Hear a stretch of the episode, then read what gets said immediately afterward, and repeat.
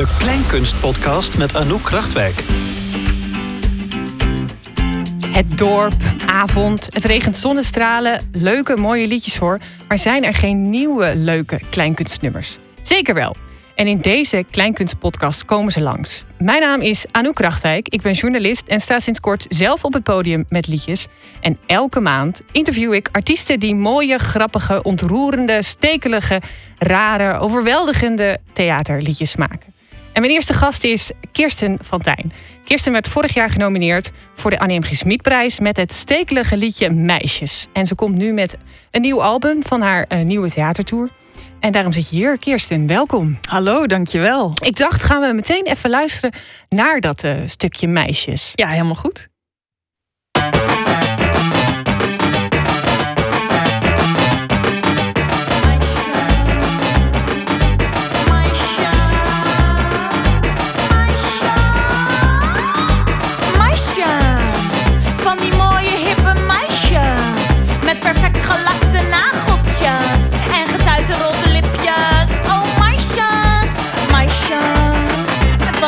Nike Air Max'jes, hoog opgetrokken broek. Ik denk dat mensen wel ongeveer een idee hebben. Dit, ja, ja, je, je- je beschrijft meisjes, Ja. typische meisjes.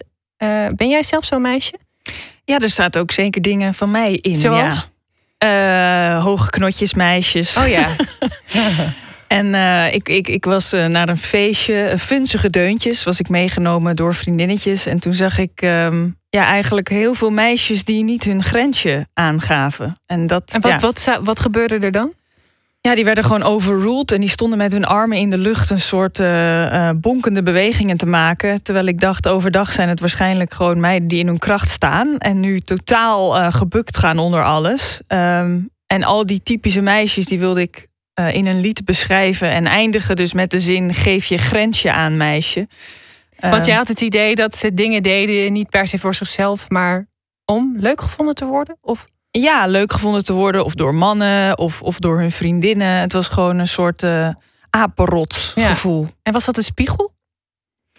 Nee, dat niet per se. Want ik, ik was anders zelf nooit op Funzige Deuntjes het feestje geweest.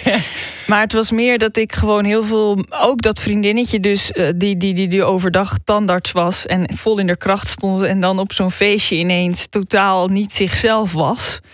En eh, daarin herkende ik soms ook wel dingen hoor. Dat je denkt van, oh ja, als ik naar die situatie ga, dan kleed ik me zo of dan doe ik zo. Daar zijn we allemaal volgens mij gevoelig voor.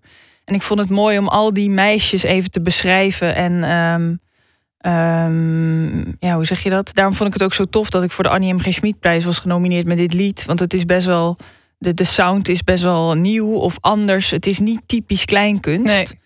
Eh, dus het was leuk om in het rijtje met onder andere Joep van het Hek te staan. Die toch wel echt typische kleinkunstmuziek maakt. En als jij op zo'n podium staat, ik heb je daar gezien bij de Anne M. G. Smitprijs, jij, jij bent helemaal dat nummer. Jij bent al die emoties. Ja, dat is best wel grappig, want het was een beetje een suffige zaal eigenlijk. En Goed dat je het zegt. mensen gingen gewoon, ja, deden hun Er lied, deden niks. goed. dat zijn jouw woorden. En, eh, en jij, joh, jij pakte die zaal en ja, jij ging helemaal los met je armen en een beetje gillen. En ik vond dat best wel, ik vond het echt heel tof eigenlijk om, eh, om jou zo eh, totale overgave te zien. Maar durfde jij dat altijd al?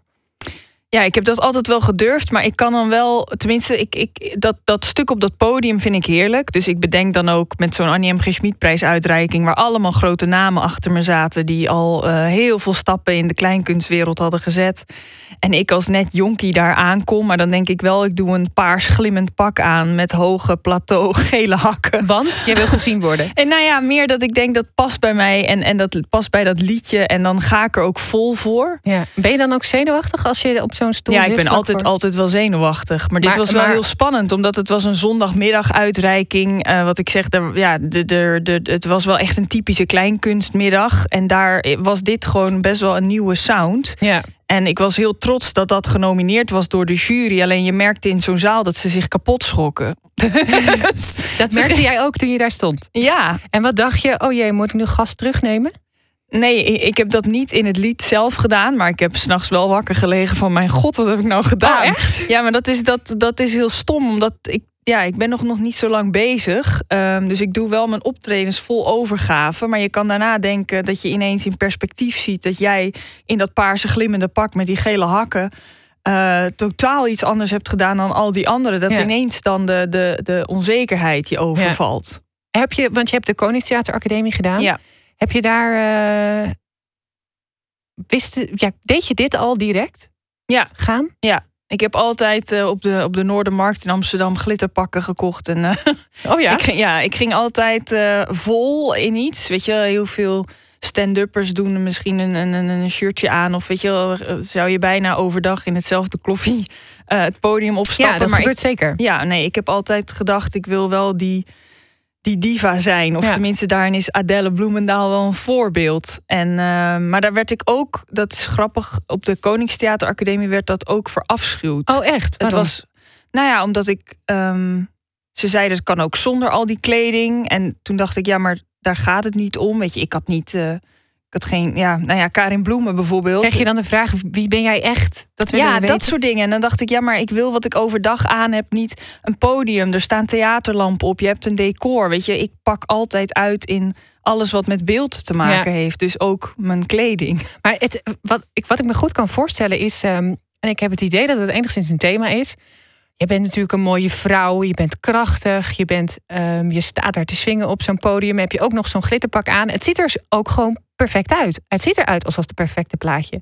Ja. En ehm, nou, ik, ik, ik sta zelf inmiddels ook op het podium en krijg dan vaak te horen: nee, maar waar zit jouw kwetsbaarheid? Wat, hè, wat, is dat, zijn dat de vragen die je dan krijgt? Ja, terwijl ik dan denk, dat hoor je volgens mij door alles heen sijpelen. Mijn liedjes zijn ook heel kwetsbaar. Ehm, ik zeg altijd vanuit de, de. Ik sta met mijn voeten in de dikke stront. En, en, en de rest glittert en glimt. Maar volgens mij hoor je al die dikke stront er doorheen. Ehm, maar dat is wel op de. Ja, ik was 19 toen ik op de Kleinkunstacademie kwam. dus het is wel eh, zoeken daarin. Ehm, en heb je het daar gevonden? nou, ik, ik zeg altijd, je, hebt, je, je haalt je rijbewijs en daarna ga je het pas als ja, de docent niet meer naast je zit, ga je pas leren rijden. En ik ben heel erg tegengewerkt op de Oh, wat- academie. Wat, dan? Nou, elk jaar zeiden ze wel stop er maar mee. Oh, echt? ja. Want wat was niet Ehm, goed dan? Ja, ik, ik heb. eh, Hoe zeg je dat? Ehm, ik zeg altijd: door tegenwerking ben ik gekomen waar ik nu ben. Dus ik zie het helemaal niet als iets heel negatiefs. Ehm, Toen ook niet? Ja, tuurlijk wel. Toen, toen ging ik huilend naar huis elke keer. Maar ehm, er waren een paar docenten die heel veel vertrouwen in mij hadden en een paar helemaal niet. En ik heb toen bijvoorbeeld na mijn eerste jaar, de, de eindevaluatie, kreeg ik te horen: we vinden je erg SBS 6. Oh. En dat had dus puur te maken met het uiterlijk. En dat ik ook, ik denk de hele tijd, ik was 19, weet je wel. Ik was het leven nog aan het ontdekken, aan En wat bedoelden ze met SBS 6? Nou ja, dat ze het vrij simpel allemaal vonden. En Hm. nu kan ik me dat ook wel indenken. Dat ik denk, oh ja, weet je wel, ik, ik, ik, ja, ik was 19, ik kwam uit Heilo. Eh, ik had nog niet heel veel van de wereld gezien. Alleen volgens mij is dat ook een groeiproces. En in die vier jaar academie kom je ook weer achter allerlei dingen... en gaan er luikjes open waarvan je niet wist dat ze er zaten. Want ik, ik begreep dat je wel eens te horen kreeg, lees je wel eens de krant. Ja, ja. Ja, Las je wel eens de krant? Ja, tuurlijk. Maar daarom, ik ging verdrietig naar huis. Weet je, Ja. dat was niet.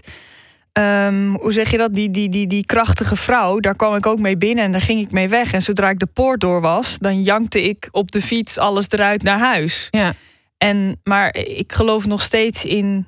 Weet je, ik zing heel kwetsbaar een lied, maar ik geloof nog steeds in die sterke, krachtige vrouw op een podium, waardoor een publiek weggaat en denkt: yes, ik ga ervoor. Of yes, ik wil dit ook. Of weet je, ik hou van die kracht. Ja. En er waren ook leerlingen die alleen maar liepen te janken op school. En die werden gepamperd en die, werden, die, ja, die gaven ze kontjes. En dat was zo mooi. Want die gaven En zo kwetsbaar. bloot. Ja, terwijl ik denk, ja, dat achter heel veel grote, sterke mannen of vrouwen zit heel veel kwetsbaarheid. En dat kwam wel in taal eruit. Maar zat er, was er een kern van waarheid in wat ze zeiden? Ja, dat denk ik zeker wel. Ik, eh, ja, nogmaals, die leeftijd, weet je, ik heb in die, ja, ik ben nu 30. ehm, ik heb veel geleerd en, en, en, en veel gelezen. Maar het is ook waar je vandaan komt. Weet je wel, ik, ik ben niet met heel veel kunst opgegroeid. Mijn ouders, eh, ja, dus niet, niet, ja, hoe zeg je dat? Werd niet heel vaak mee naar theater genomen of iets. Dus ik ben het allemaal zelf gaan ontdekken. Waarom wilde je het dan gaan doen?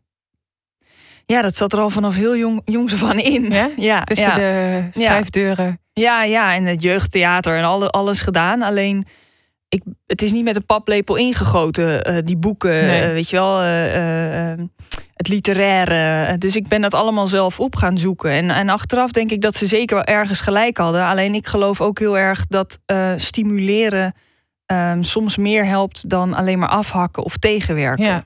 Maar jij zegt, ik, ik heb er zeker wel wat van geleerd, maar wat dan?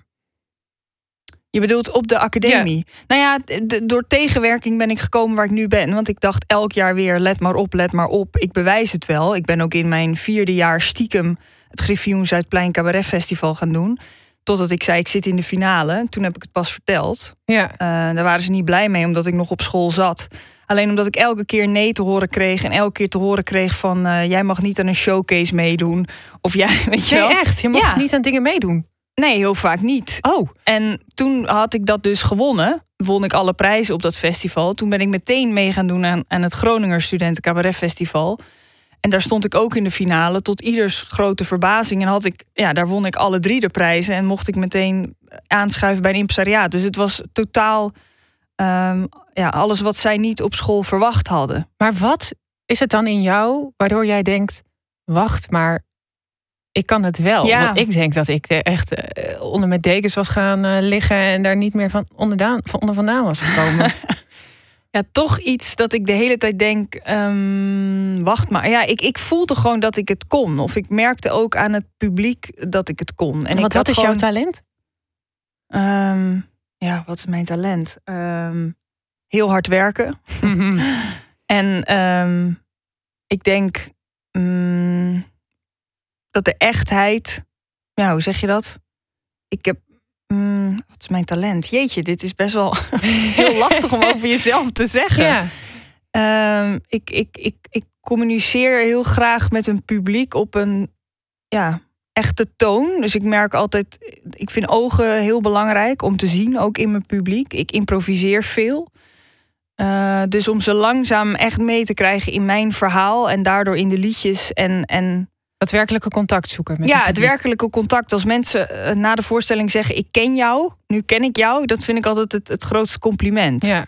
En ik merkte ook op zo'n opleiding, dan speel je alleen maar voor je klasgenoten en docenten, dat ik het daar helemaal niet kon testen. Dus dat ik het pas kon testen bij dat Griffioen Zuidplein Cabaret Festival, dat daar ja, normaal publiek zat. En dat ik dacht, hier ga ik van zweven, hier ga ik van spelen, hier gebeurt iets. Maar het is wel grappig. Dus dat jij eigenlijk te horen krijgt, je bent SBS 6. Je bent heel erg dat perfecte plaatje. En dat je juist die andere kant van de medaille inmiddels jouw talent is geworden. Die echtheid en die Ja, en die heb ik altijd wel gezocht en ik denk dat hij er altijd wel onder hing. Alleen ehm, dat is iets wat voor mijn gevoel ook op mij werd geplakt. Ja. Van dat ik op die academie kwam en eh, dat ik, eh, dat ik een, eh, eh, wat ze dan zeiden, een leuk kopje had en dikke tieten. Dat ik dacht, nou, wat is dit nou weer? Weet je, Oh, dat, zeiden ze tegen ja, de, alles komt zo vanuit jouw tieten. Nou, dat heb ik helemaal niet. Weet je, wel, het, het was gewoon een soort van. Ja, dat Het is een beledigende opmerking eigenlijk. ja, dat vond ik ook. Maar dat is het dus, dat perfecte plaatje. Het wordt op je geplakt. Ja. Het is, je hebt een, ja, dat is het. Je hebt een leuk lijf en een leuk koppie. En dan heb je geen inhoud of zo. En daar was ik gewoon klaar mee. En daarin voelde ik elke keer weer die guts. En daar werd ik steeds groter en sterker van. Van let maar op. Let maar op. Ja. Ja, ja. Je bent nu met je derde theatershow bezig. Ja. En die gaat in reprise Mhm. vanaf september. vanaf oktober. Vanaf begin oktober. Ja. Ehm, en daar zit er één liedje in, dat heet eh, Doorgegaan. En dat, eh, eh, dat gaat een beetje over dat perfecte plaatje dat wij als, als millennials nastreven. ja, een beetje deze generatie die, die, die maar overeind wil blijven staan en maar doorgaat. En ja, eigenlijk een beetje de burn-out generatie waar we in zitten. Nou, we gaan luisteren naar de burn-out generatie.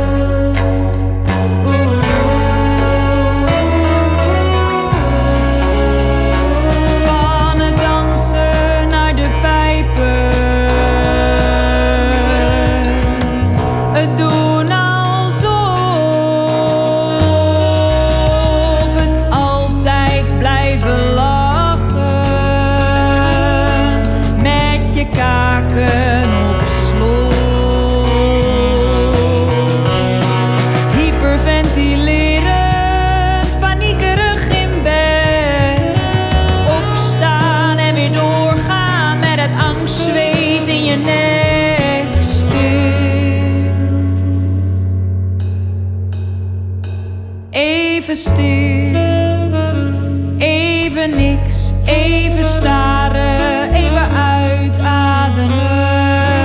Leeg, leeg. Even dom voor je uitkijken uit, uit, stil. De Kleinkunstpodcast met Anouk Krachtwijk. En met Kirsten van Tijn, die hier eh, bij me zit. Hey, En Kirsten, ik zat dit liedje te luisteren. Dit is eigenlijk dat je uit dat perfecte plaatje stapt. Ja. Even stil. Maar wat, eh, eh, als ik jouw Instagram zie, zie ik ook heel veel mooie, mooie perfecte plaatjes. Oké, ja. Ja, toch? Want Ja, ja, ik heb het idee dat schoonheid ook wel. Ja, maar dat vind ik ook wel heel belangrijk. Tenminste, het is ehm, ehm, niet, niet, ja, ik, ik hoop niet alleen maar het opgemaakte, perfecte, rechtgetrokken plaatje. En wat is dat? Hoe bedoel je? Het recht. Oh, je bedoelt. eh, Ja, weet je, dat, dat, dat, dat niet. Op mijn Instagram, dat niet. Maar ik vind beeld heel belangrijk. ja. Ehm, beeld communiceert voor mij eh, veel. Ehm, dus ook eh, rond de voorstelling Nobel het perfecte plaatje. ehm, hebben we nu de, de nieuwe plaat uitgebracht. Niet in een, in een cd-hoesje, maar in een fotografieboek. Ja. Dus bij elke liedtekst heb ik een, beeld laten maken... door een aanstormend eh, fotografietalent. We hebben 15 fotografen eigenlijk bij de voorstelling betrokken.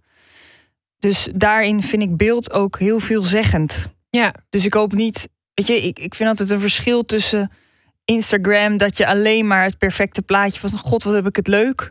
Of dat je theatraal beeld ziet. Dat daar altijd een verschil tussen zit. Want is er een moment geweest dat je een omslag hebt gemaakt? Dat je eerst heel erg van het perfecte plaatje was. En dat je daarna het imperfecte plaatje durfde te zien? Of heb je het altijd al gehad? Ja, ik ben een beetje opgegroeid in het perfecte plaatje. Mijn vader die zat in de fotografie en mijn moeder was binnenhuisarchitect. Dus Oh er ja. werd altijd veel vanuit beeld. eh, gehandeld. En ehm, ik heb daar wel als puber heel erg tegenaan eh, getrapt. Door, door ja, hoe zeg je dat, eh gothic te worden. En nee, maar Was gewoon. gothic? Nou, nee, niet, niet letterlijk gothic, maar wel gewoon, weet je, ja, alles wat met slopkousen, gescheurde panties te maken had. Weet je, gewoon er tegenaan trappen. Want wat vond je Ehm, er zo naar aan? Ja, ehm, het, het moest gewoon altijd kloppen. En, en, en, en, en mijn moeder zocht heel lang nog mijn kleding uit. Of, of wat ik aan moest. En, ehm, En dat deed je ook aan dan? ja, heel lang wel, maar op een gegeven moment niet meer. En ja, daar ga je dan als, als puur tegenaan trappen. Wat heb je dan het idee dat zo'n perfect plaatje je vrijheid belemmert? Ja, zeker. Ja, daar zit wel eh, ook iets in wat je, wat, je, wat je soms niet bent. Alleen dat is het nu, heb ik mijn eigen sfeer en, en stijl gevonden. En dan kan dat lijken als een perfect plaatje. Maar voor mij zit er ook heel veel vrijheid in. Omdat Ja. ik nu mijn eigen, ja, hoe zeg je het? Ja, wat ik zeg, stijl heb gevonden. Want had je ook het idee dat je door het perfecte plaatje minder contact kon maken? Ehm, nee, dat niet per se. Want ik denk altijd dat het, dat het plaatje niet alles zegt van wat er in de binnenkant zit. Ja. Maar ik heb wel op de, eh, juist op de Kleinkunstacademie eh, opnieuw leren communiceren. Ik heb zoveel spiegels om me heen gekregen. Wat bedoel je met opnieuw Nou, omdat soms het, het, het, het perfecte plaatje. oh, het is alleen maar buitenkant natuurlijk. We hebben het alleen maar over de buitenkant nu. En, en het gaat natuurlijk over communiceren. En ik kom echt uit een, uit een plaatjesfamilie. Daar werd niet echt gecommuniceerd. Of tenminste, dat ging niet heel diep. En op zo'n kleinkunstacademie moet je graven, graven, graven. Maar wat heb Nou, je daar geleerd qua communiceren? Wat je nu gebruikt? Ehm, nou ja, die echtheid. Dus, dus, dus wat zit er heel diep? Wat, wat, wat moet er? Wat laat je eigenlijk altijd onder dat tapijt, maar moet er boven komen? Waarin alles nog, of tenminste waar mijn familie nog steeds het liefst alles onder het tapijt veegt. En heel veel mensen daarbij. Dat ik nu toch het meeste boven dat tapijt wil krijgen. Wat soms heel pijnlijk is. Maar ik heb wel geleerd om eh, het zwarte in de ogen te kijken, laat maar zeggen. En dat, dus het, het heeft te maken met het delen van emoties. En dat deed je eerst misschien minder? Ja, Dus- dat, deed, dat durfde ik minder. Of dat, dat, dat, dat stopte ik ook weg. En ook naar jezelf? Ehm, nee, per, niet per se met mezelf, maar wel met mijn omgeving. En dus ook in, in, in de relaties. Dat je gewoon ehm, ja, dingen op tafel moet flikkeren, letterlijk. En Ja. dat is heel moeilijk. Ook als het je niet aangeleerd is. Alleen dat kan ik nu als de beste. je emoties delen. Ja, en dat is dus ook een vorm in die liedjes. Is dat ook iets? Weet je wel, ik kan nu die emoties delen. En daar merk ik ook dat het publiek het hardst op aangaat. Omdat ze dan, weet je wel, hoe unieker, hoe specifieker, maar hoe harder het ook over de ander gaat. Want sommigen zeggen, jij maakt wel heel persoonlijk, eh, ja, cabaret, kleinkunst. Ehm, maar volgens mij is dat juist zo belangrijk, omdat het dan dus ook over de ander gaat. Omdat de ander dat ook voelt, alleen daar vaak niet bij komt. Heb je een moment gehad waarop opeens dat kwartje viel? Dat je dacht, of het eerste moment dat je echt iets uitsprak wat op je hart lag? Nee, ik heb altijd wel voor mezelf geschreven, ook als kind in dagboeken. Eh, tot ik erachter kwam dat die, die zoektocht op de Kleinkunstacademie, dat het was van lees je wel eens een krant, la la la. Dus ik dacht, ja, ik wil helemaal niet. Tuurlijk ik kranten en dat is achtergrondinformatie voor mij. Maar ik ga niet een, een, een, een conferentie schrijven over iets wat er in Irak is gebeurd. Dat is niet mijn ding. Maar een gevoelslaag beschrijven of iets wat met me doet, daar ben ik goed in. Dus gewoon continu navoelen en dat, en dat opschrijven in een lied, waardoor je weer iets teweeg brengt bij een ander. Dat is mijn kracht. Maar dan moest ik wel gedurende die vier jaar achterkomen. Ja. Want je zwiept ook op zo'n kleinkunstacademie alle kanten op. Dat je denkt, oh, misschien moet ik toch iets over de wereldproblematiek. Maar wat als je eh, vroeger boos was of verdrietig was, wat deed je dan? Dan, Ja, dan ging ik toch alleen op mijn kamer zitten en in mijn dagboek schrijven. Dus ik hield het heel vaak voor mezelf. Oh ja. Alleen nu is het. En toen begreep je op een gegeven moment dat dagboek, dat moet ik delen. Ja, ja, dat denk ik wel. Ja, ik heb altijd gedacht, ik moet op een podium, altijd als actrice. En toen in Maastricht op de toneelschool zeiden ze... eh, je moet kleinkunst gaan doen, want jij moet zelf gaan schrijven. En toen kwamen die werelden ineens bij elkaar. Weet je, nogmaals, ik werd niet vaak mee naar theater genomen... dus het hele fenomeen cabaret, dat kende ik helemaal niet. Dus dat ik dat en zelf kon schrijven... ik kon helemaal geen script eh, leren en dan eh, op een podium zetten. Ik moest het zelf maken. Hm. En toen dacht ik, ah, dat kan dus eh, bij eh, cabaret kleinkunst. Ik bedoel, ik had ook de vooropleiding toneel gedaan aan de HKU. Ja, daar wordt cabaret wordt een beetje, het is een ondergeschoven kindje. Dat is altijd een gevecht, toneel en, en cabaret. Dat is Ja. altijd een soort van, ja, dat, dat doet er niet toe. Ja. Alleen juist die brug slaan tussen toneel en cabaret, dat vind ik Comme il faut een heel groot voorbeeld van als kleinkunstduo. Dat hoop ik ook na te streven. Dus, Ja. dus ehm, En, en veel van jouw repertoire, niet alleen eh, op de, op deze, bij deze liedjes, maar mhm. ook eh, andere liedjes gaan over jouw familie. Eh, toch? ja, niet heel veel, maar ja, het is wel een inspiratiebron. Ja, het is een inspiratiebron. Ja. Ehm, uit wat voor familie kom je? Nou, wat ik zei, een, best wel een, een, een, een familie ehm, wat dus oh, ja, het perfecte plaatje nastreefde. Ehm, ja, het is altijd heel lastig uitleggen. Ik vind het lastig ook om over mijn familie te praten. Ik kan er heel goed over schrijven en het daarbij laten. Dus Want wat liedjes, gebeurt er in liedjes wat in interviews anders is? Nou, daar wordt het zo. ehm, Zo echt van. Dus, dus dan, weet je wel, het, het, het gaat over mijn familie. Ja. Dus zodra het eh, in een interview over mij gaat, dan wil ik alles zeggen. Maar nu heb ik mijn familie daarmee door over hun te gaan praten, snap Ja. je? En daarin, ehm, ik zeg ook in de voorstelling Nobel, zeg ik ook, mijn ouders liggen nu in scheiding op dit moment. En dat zijn allemaal hele precaire dingen. En ik wil daar allemaal over schrijven, omdat het gewoon een. Ja, we zitten in een, in een generatie waar iedereen scheidt. Iedereen, dus veel mensen uit elkaar gaan. Ehm, dus daar, daar, daar kwamen heel veel gevoelens bij kijken als, als kind, ook al ben ik 30. En ik dacht, ja, daar, daar, daar ging ik over schrijven. Dus ik dacht, dan moet die voorstelling daar maar over gaan. En een scheiding is nooit in één jaar gebeurd. Daar gaan jaren overheen. Maar, maar zitten ze dan op je schouders op het moment dat je schrijft? Dat je dan denkt, oeh, dit kan ik wel zeggen, dit kan ik niet zeggen? Nou, op het moment dat ik schrijf dus niet. Maar op het moment dat ik een interview doe, staan ze nu naast me. Ja. Ja, Omdat het dan... Ja, dus weet je wel, dat, dat, dat hebben mijn broers ook wel eens tegen me gezegd. Wat ik heel erg vind. Van, ja, jij kan het allemaal wel mooi zeggen, maar het gaat over ons. ja. En dat, ehm, daarin wil ik niet te veel kapot maken. Nee, dat snap ik. Dus in een theatervorm of in een liedvorm kan je dingen zeggen of kan je dingen bezingen. Maar zoals nu ben ik echt Kirsten die aan het vertellen is over de familie. Dat vind ik heel lastig, merk ik. Eh, Dus ik zit even te, te kijken. Wat, ja, want ik, dat snap ik heel goed. En tegelijkertijd, eh, eh, die liedjes, da, daar, daar, het klinkt wel iemand die een beetje heeft geworsteld ook met Ja. zijn familie. En dan ben ik benieuwd naar wa- wat is dan precies die worsteling geweest? Eh, kan je daar iets over zeggen? Nou, wat ik zeg, er werd heel veel onder het tapijt geschoven. Ehm, Maar was en- die sfeer dan niet altijd even gelukkig? Nee, helemaal niet. Ehm, het, is soms, het, eh, eh, het is grappig. Mijn, ik heb een, mijn vriend die komt uit een familie waarbij alles eh, rechtlijnig was.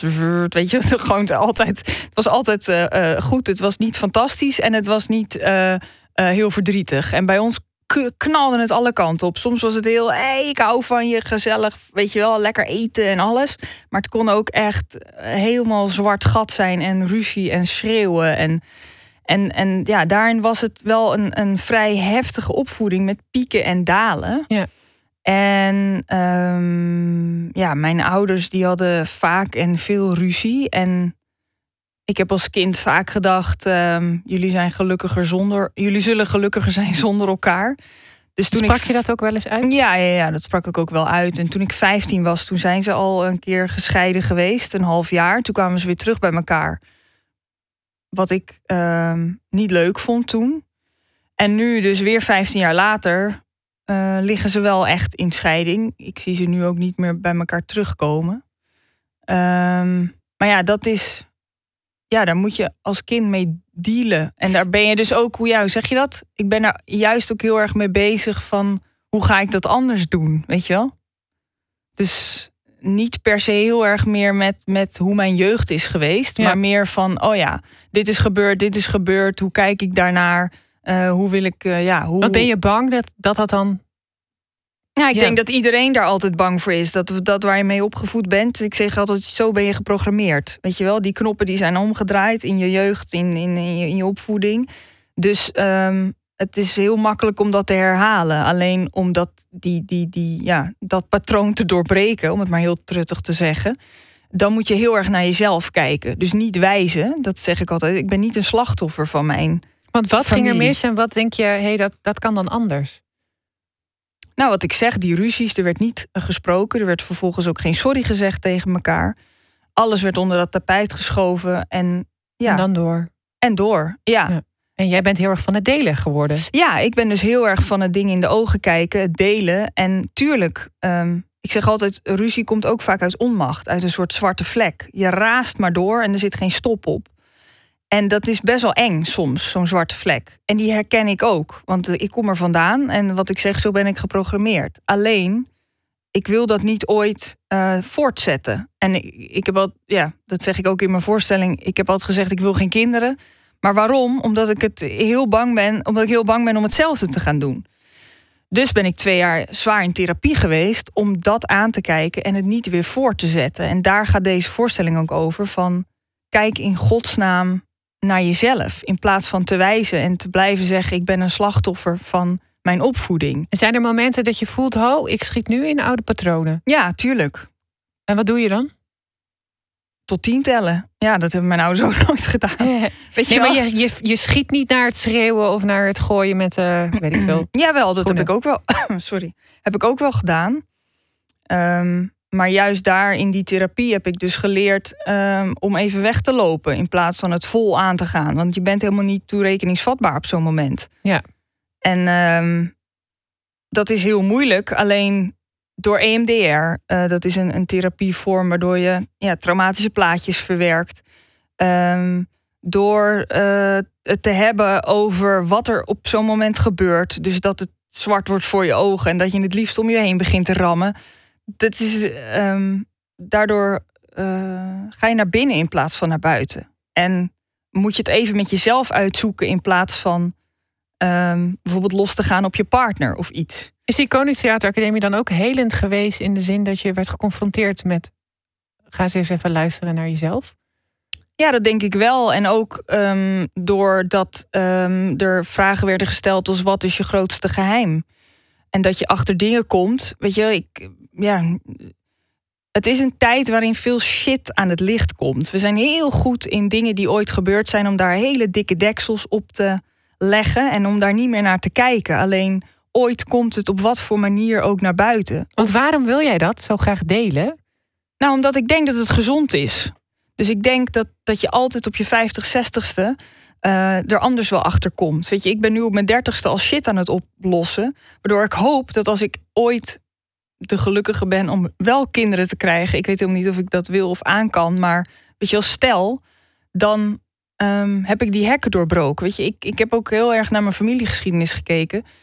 Het, is op, van familie op familie gegaan. Weet je, en dat is meestal altijd in families. Dat, Want dat, dat soort, weet je wel, dat, wat dat, bedoel je dan? Het is, eh, het is van familie op nou, wat familie. ik zeg, dat, dat, dat, dat of het, het, het, het heftige, eh, die ruzies, eh, scheidingen, eh bastaardkinderen, weet je, ik, dat zeg ik ook in mijn voorstelling.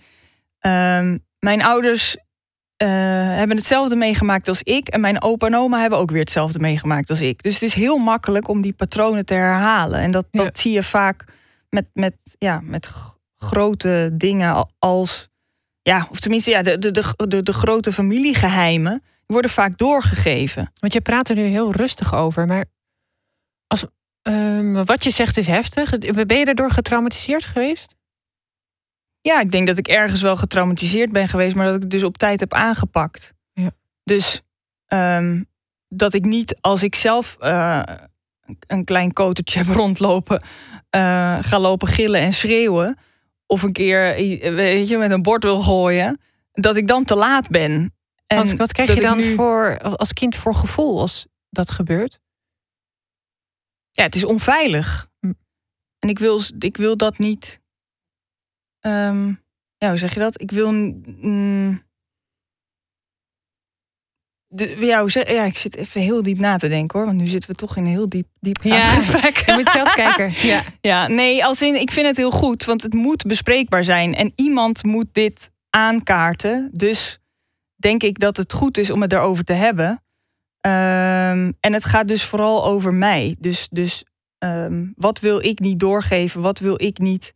ehm, ja, de- dus wat ik bijvoorbeeld merkte een keer met, met een relatie was dat ik gewoon niet de woorden kon vinden. En dan breekt die onmacht op. Dus trok ik mijn vuist op. En ik sloeg niet. Maar ik trok hem wel op. En dan schrik je. En dan denk je, shit, dit wil ik helemaal niet. ja, dit zijn zulke patronen die. Ja, die patronen, ja, die, die, die zitten geprogrammeerd. En daarin moet je volgens mij eh, ehm, Delen. naar jezelf kijken. Ja. Naar jezelf kijken en delen. En ja, ik zeg ook in mijn voorstelling, ruim je shit op. Ja. En niet wijzen. En dat heb je met het volgende liedje heb je dat ook gedaan. Eh, handen. Is er iets wat je daarover wil zeggen? Nee, ik heb het eh, met eh, heel veel liefde geschreven. Nou, dan gaan we er met liefde naar luisteren. Graag.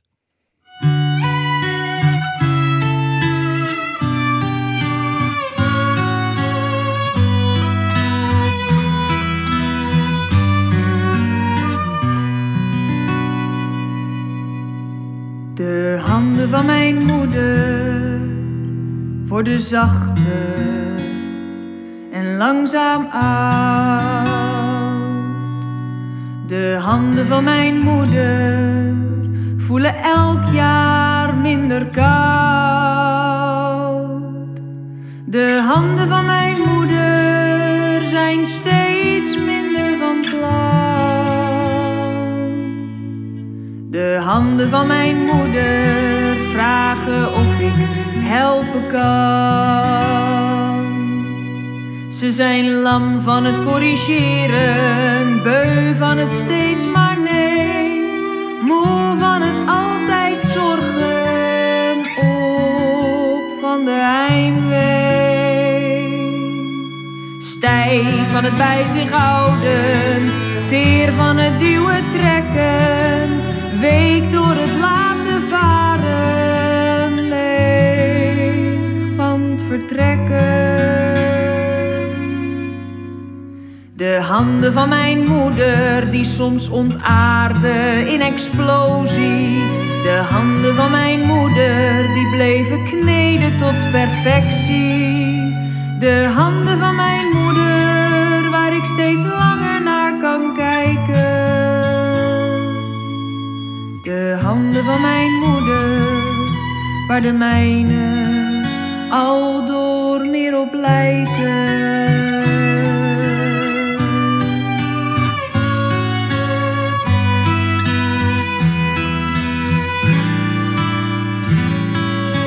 De handen van mijn moeder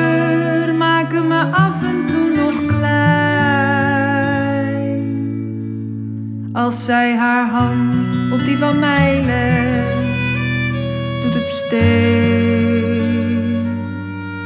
iets minder pijn.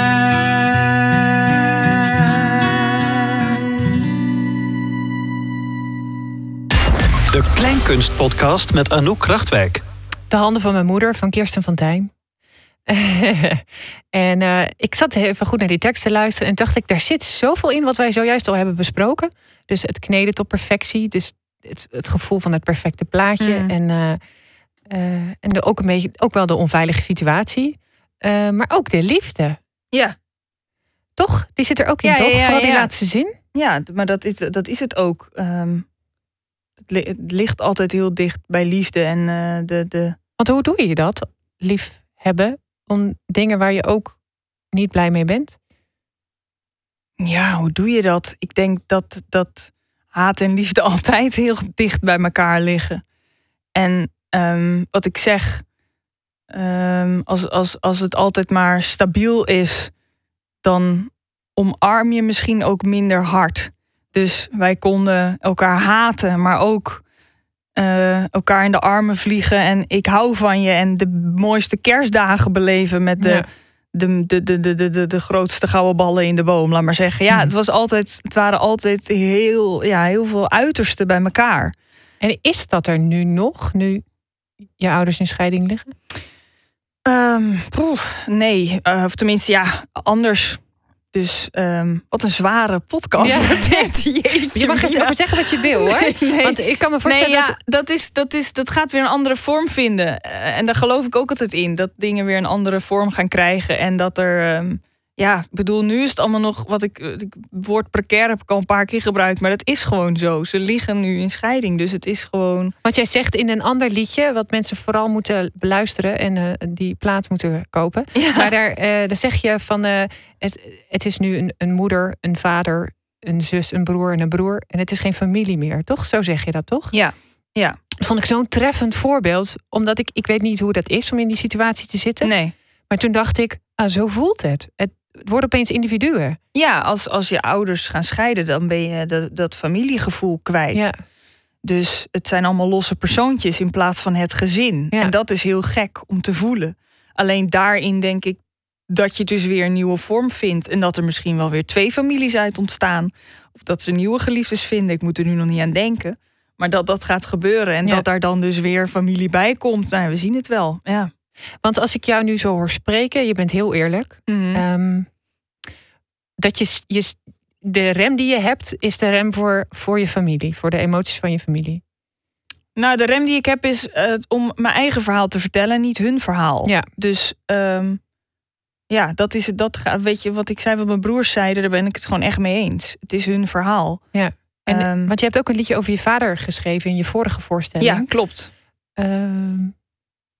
Ja, wat vinden ze er dan van dat je daar dingen over schrijft?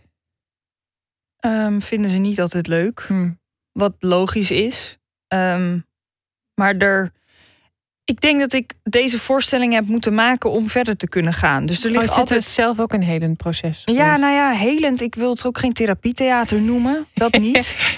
Alleen, ik denk dat er heel veel ehm, ja, mensen hiermee worstelen of, of, of mee bezig zijn. En ik, ik, ik schrijf ook nooit ehm, met mijn arm om mijn blaadje heen van dit is van mij. Ik, ik laat het altijd aan heel veel mensen lezen. En ik heb een regisseur, Jessica Borst, dat is een grote regisseur die ook heel kritisch is. Dus het, het, het gaat nooit alleen over mij. Ik zorg altijd wel dat het communiceert of dat het over meerdere vaders of moeders gaat. En hoe doe je dat Ehm, dan? Nou, door er met veel mensen over te spreken. En, niet, niet, niet, en dat het herkenbaar is voor meerdere mensen. En niet alleen over mijn vader gaat. Want wat ik ook wel grappig vind, is dat je net zei: ehm Oh, dit gaat nu wel heel diep.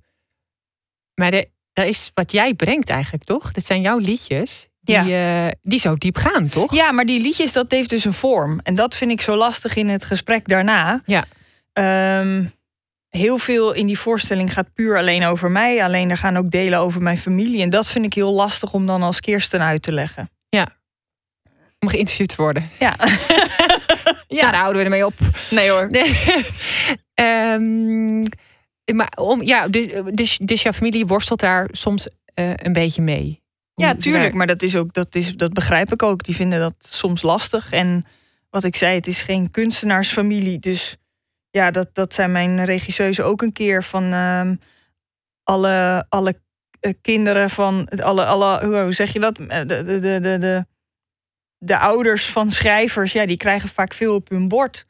Want dat is waar je vandaan komt en, en, en wat je beleefd hebt en wat je bron is. Dus je schrijft heel vaak vanuit dat perspectief. Zij, Dus je moet dat daarmee ook in dealen. andere, bij andere cabaretiers misschien. Ja, ja, ja, ja. Ja, dat, dat, dat, ja. En hoe zorg je er dan voor dat het geen therapietheater wordt? Nou, wat ik zeg, door er dus veel over te spreken en te checken bij anderen en, Ja, en maar er dan heb je- theatervorm Oké, aan. dus ja. Ja, weet je, wel, je, je schrijft soms in eerste instantie dagboektekst, alleen het gaat dan zo vaak over de kop dat totdat er een kleinkunstlied uitkomt, wat over iedereen gaat, ja. niet alleen over mij. Want wanneer kan iets. wa- Ja, want wanneer is iets niet meer perso persoonlijk? Wanneer is iets voor iedereen? Nou, ik denk dat het altijd dat je altijd moet zoeken naar de, naar de woorden die voor jou treffend zijn op dat moment. En ehm, als je er dan dus die, die muziek onder zet en de goede poëtische woorden vindt, dan is het soms zo persoonlijk dat het dus ook over de ander gaat. Daar moet je denk ik, excuus, altijd naar zoeken. Zijn er wel eens reacties bij jou binnengekomen eh, waarvan je dacht: doet mijn lied dit? Ja, ik heb wel eens. ehm dat was op eh, Theaterfestival Boulevard. Dat was met dat liedje waarvan jij zei van dat er dan. eh, ehm, dat, de ou, dat het ineens vader, moeder, broer 1, broer 2 is. Dat het losse personen zijn. Dat ik merkte, zo'n Theaterfestival Boulevard een soort parade. En er zaten er honderd mensen in mijn tent. En de helft daarvan zat te huilen. Oh. Dat ik dacht, wow, want dat is dan eigenlijk een soort ja, eh, gezellig festival. En mensen gingen allemaal huilend die tent uit. En dat ik toen een keer s'avonds eh, op een feestje kwam op datzelfde festival. En dat een vrouw mij zag en spontaan weer begon te huilen. En Oh, me echt? in de armen viel. Van jouw lied zit zo hoog. En die had dat, ja, dat was zo bij blijven hangen. En toen dacht ik wel, wow. Maar ja, dat is gewoon puur, dat lied gaat over hoe het als kind voelt als ouders scheiden. Eh het refrein is, er is niemand dood, maar zo voelt het wel. Ja. En dat zijn dan, dat is dan zo'n, dat, dat was in de auto, dat ik dat, dat die zinnen me overvielen, letterlijk. Ik weet niet meer, dus ik was gewoon heel emotioneel over het feit dat mijn ouders gingen scheiden. Ik wist dat net. En dat ik dacht, ja, er is niemand dood, maar zo voelt het wel. En dat is dan zo'n, ehm, ja, dat zit dan zo in mijn lijf dat ik denk, het rijmt niet. Uh, maar volgens mij moet hier een lied van overkomen. En dat is dus iets wat dus direct communiceert met mensen die ook in scheiding liggen, gescheiden ouders hebben. Um, waarvan ik meteen terugvoelde van ja, dit klopt. Dit gevoel klopt dus. Ja. En ja, daar, daar schrok ik toen wel van. Want dat waren de eerste try-outs. is ook dankbaar, lijkt me. Ja, ja, ja, heel dankbaar. Maar ik wil niet alleen maar een huilvoorstelling hebben. Nee, dat is, ik, ik zou ook vooral zeggen, mensen, ga gewoon kijken en ook naar die andere liedjes luisteren. Want er zit enorm veel pit ook in. Ja, ja, ja. en scheurende gitaren Ja. en eh nou ja, trompet hebben we, Saxofoon, saxofoon hebben super vette drummer. Ik Ja. heb echt muzikanten waar je u tegen zegt op die nieuwe plaat. Ja. Ehm, ja. En jij zegt net over, over zo'n lied, het hoeft niet per se te rijmen. Eh, en dit overviel je alsof er opeens woorden waren voor het, voor het vrij specifieke gevoel dat je had. Ja. Hoe kom je tot een nummer? Nou ja, vaak dus op deze manier. Dat een zin me overvalt. Of dat hij zo klopt bij mijn gevoel. Dat ik hem opschrijf. En soms verandert hij nog. Dat ik wel wil dat het rijmt. Maar zo'n zo'n zin als deze, die, die bleef gewoon bestaan. En dan ehm, past het meteen in een, in een metrum of in een ritme. En dan, dan hoor ik de muziek er al onder. En ik maak dan met mijn gitarist Leon Siebem ehm, de muziek daarbij. Maar meestal heb ik al een zin waar dan al een melodie aan vastzit. Want wat is het belangrijkste voor jou in een lied? Wat moet een lied doen? l- tekst en muziek moet voor mijn gevoel samenvallen. Dus zo'n zo'n zin als er is niemand dood, maar zo voelt het wel, die komt dan dus bij me op met die melodie eronder. En Leon die voelt dat zo goed aan dat wij heel snel samen tekst in muziek om kunnen zetten. Eh, dus het moet nooit te bedacht voelen. Ja. En daarom is het vaak ook niet zo heel commercieel. Omdat het een soort, het zit in mijn lijf of zo, dat gevoel. En daarom merk ik dat het snel Waar zit het dan in je communiceert. Ja, bij mijn buik of zo. Nee, ja, het zit wel echt zo, ja. Het, het, het, het, ja. Het moet eruit. ja, het moet eruit. Het voelt heel erg ehm, echt op dat moment. Van, ehm, het voelt niet bedacht. Ja. Ik denk als ik een blaadje zou pakken en zou denken... nu moet ik een lied schrijven, dan komt er niks. Ja. Maar als mij een zin overvalt met een, met een melodie... dan komt de rest vanzelf. En zo schrijf ik eigenlijk altijd. Ja, want dat is wat ik met, eigenlijk met het, eh, met het derde liedje had zelf, als ik daar naar luister. Dat gaat over de zee. Want Ja. jij eh, komt zelf uit Bergen? Nee, Heilo. Heilo. Ja. Ja. Ja, en altijd in Egmond en Zee gewerkt, tien jaar lang. Ja, Ja. ja. Heilo ligt ja, bijna aan Egmond. Dus wij waren heel vaak aan zee. Ja.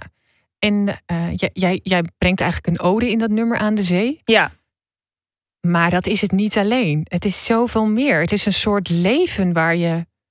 eh, van vroeger of zo, waar je een ode aan brengt. Er Ja. zit zoveel in, in dat lied. ja ik ben verhuisd, eh, dus mede door de Koningstheateracademie naar Brabant, naar Den Bosch. En dat gevoel van de zee, ja, ik ben daar opgegroeid. Het, het, het, het, mijn, mijn hele lijf eh, gaat aan bij de zee. Het is bijna gezond, net als groente eten. Alleen nu woon ik in Brabant en sta ik wel op zandgrond, maar die zee ontbreekt. En dat gevoel was zo intens. Ik mis de zee. ehm, Dat, je daar lied ja, ik van mis kwam. de zee zo. Ja, ja. Ja. Ga naar luisteren.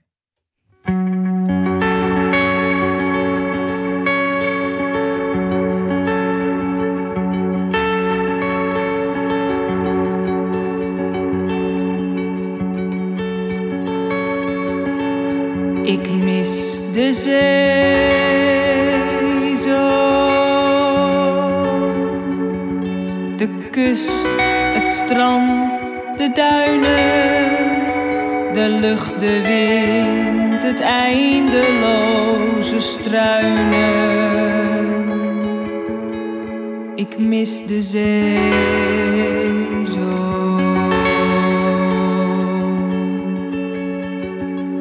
Ik mis de zee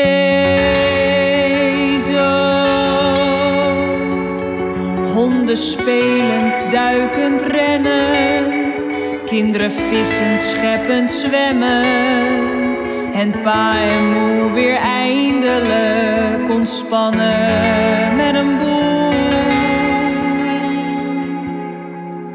Ik mis de zee zo. Daar waar grond weer bodem wordt, daar waar zilt je longen streelt, daar waar groots weer nietig voelt, daar waar zout je huid heelt. Het verlangen zo groot om in je te springen, onder te duiken, even verzuipen alles vergeten, me over te geven, niks meer zeker te weten. Ik mis de zee zo. Daar waar uitzicht toekomst wordt, daar waar storm verlichting waait, daar waar guur je wangen bloost, daar waar zand inzicht zaait. Waar voeten weer voelen, waar lijven weer lijf zijn, waar mens weer natuur wordt, waar de wereld samenkomt langs de kustlijn. Alles leeft alles voelt oneindig bij de zee, alles ademt bij de zee. Ik mis je zo.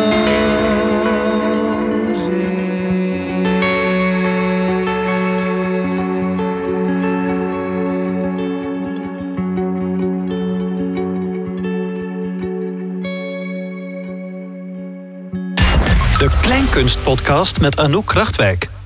Zijn die, eh, die- is die gitaar nou ook van die, zo'n golf die zo op, op, op de kust eh, aankomt? Ja, dat heeft Leon wel heel mooi Ja, dat heeft eh, mooi gemaakt. hè? Ja. Hey, wij spraken net even tussendoor toen dit lied draaide. En eh, je, je zei, je bent wel een beetje een natuurmeisje. Ja, ik, wat ik zei, het is voor mij gezond. Ik ben niet echt een stadsmens. Ook al heb ik een jaar in Amsterdam gewoond en bijna tien jaar in Den Bosch. Ik ben nu verhuisd naar een dorp aan Den Bosch, dat Ja. wel. Ik vind het wel lekker altijd om bij restaurants in de buurt te Ja. zitten. Maar ik vind het dus veel lekkerder om aan een bosrand te wonen. Of dus ooit weer bij de zee, maar gewoon eh, bomen zien, eh, eh, die zuurstof, rust. Ja, Want wat gebeurt er dan in de stad?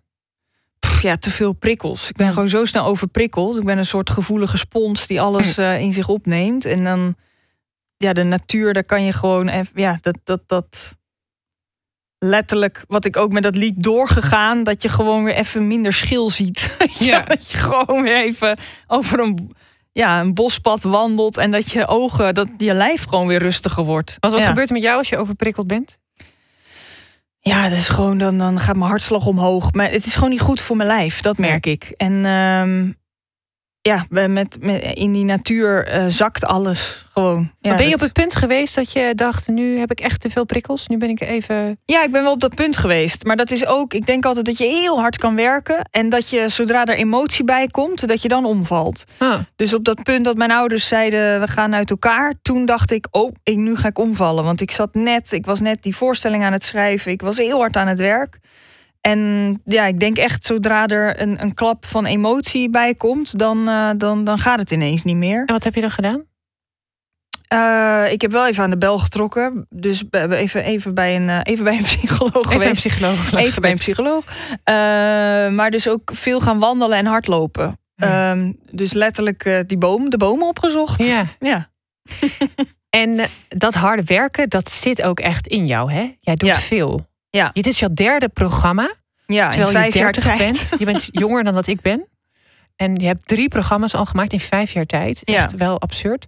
En er komt nu dus ook, je hebt een, een fotoproject gedaan. Ja. Eh, wa- wat is dat? Nou, we, ik was dus die, die nieuwe voorstelling vorig jaar aan het schrijven, vorig jaar zomer. En eh, dat ging dus de hele tijd, kwam dat terug bij het perfecte plaatje. En een eh, goede vriendin van mij, Anne van Zandwijk, zij is ook fotografe. Zij kwam een paar dagen bij mij opladen in de bossen in Brabant vanuit Amsterdam. En ik zei tegen haar van dat ik eh, als decor voor mijn nieuwe voorstelling een fotografiestudio wilde. En wat ik dan moest aanschaffen en wat dan de beste statieven en bla bla bla.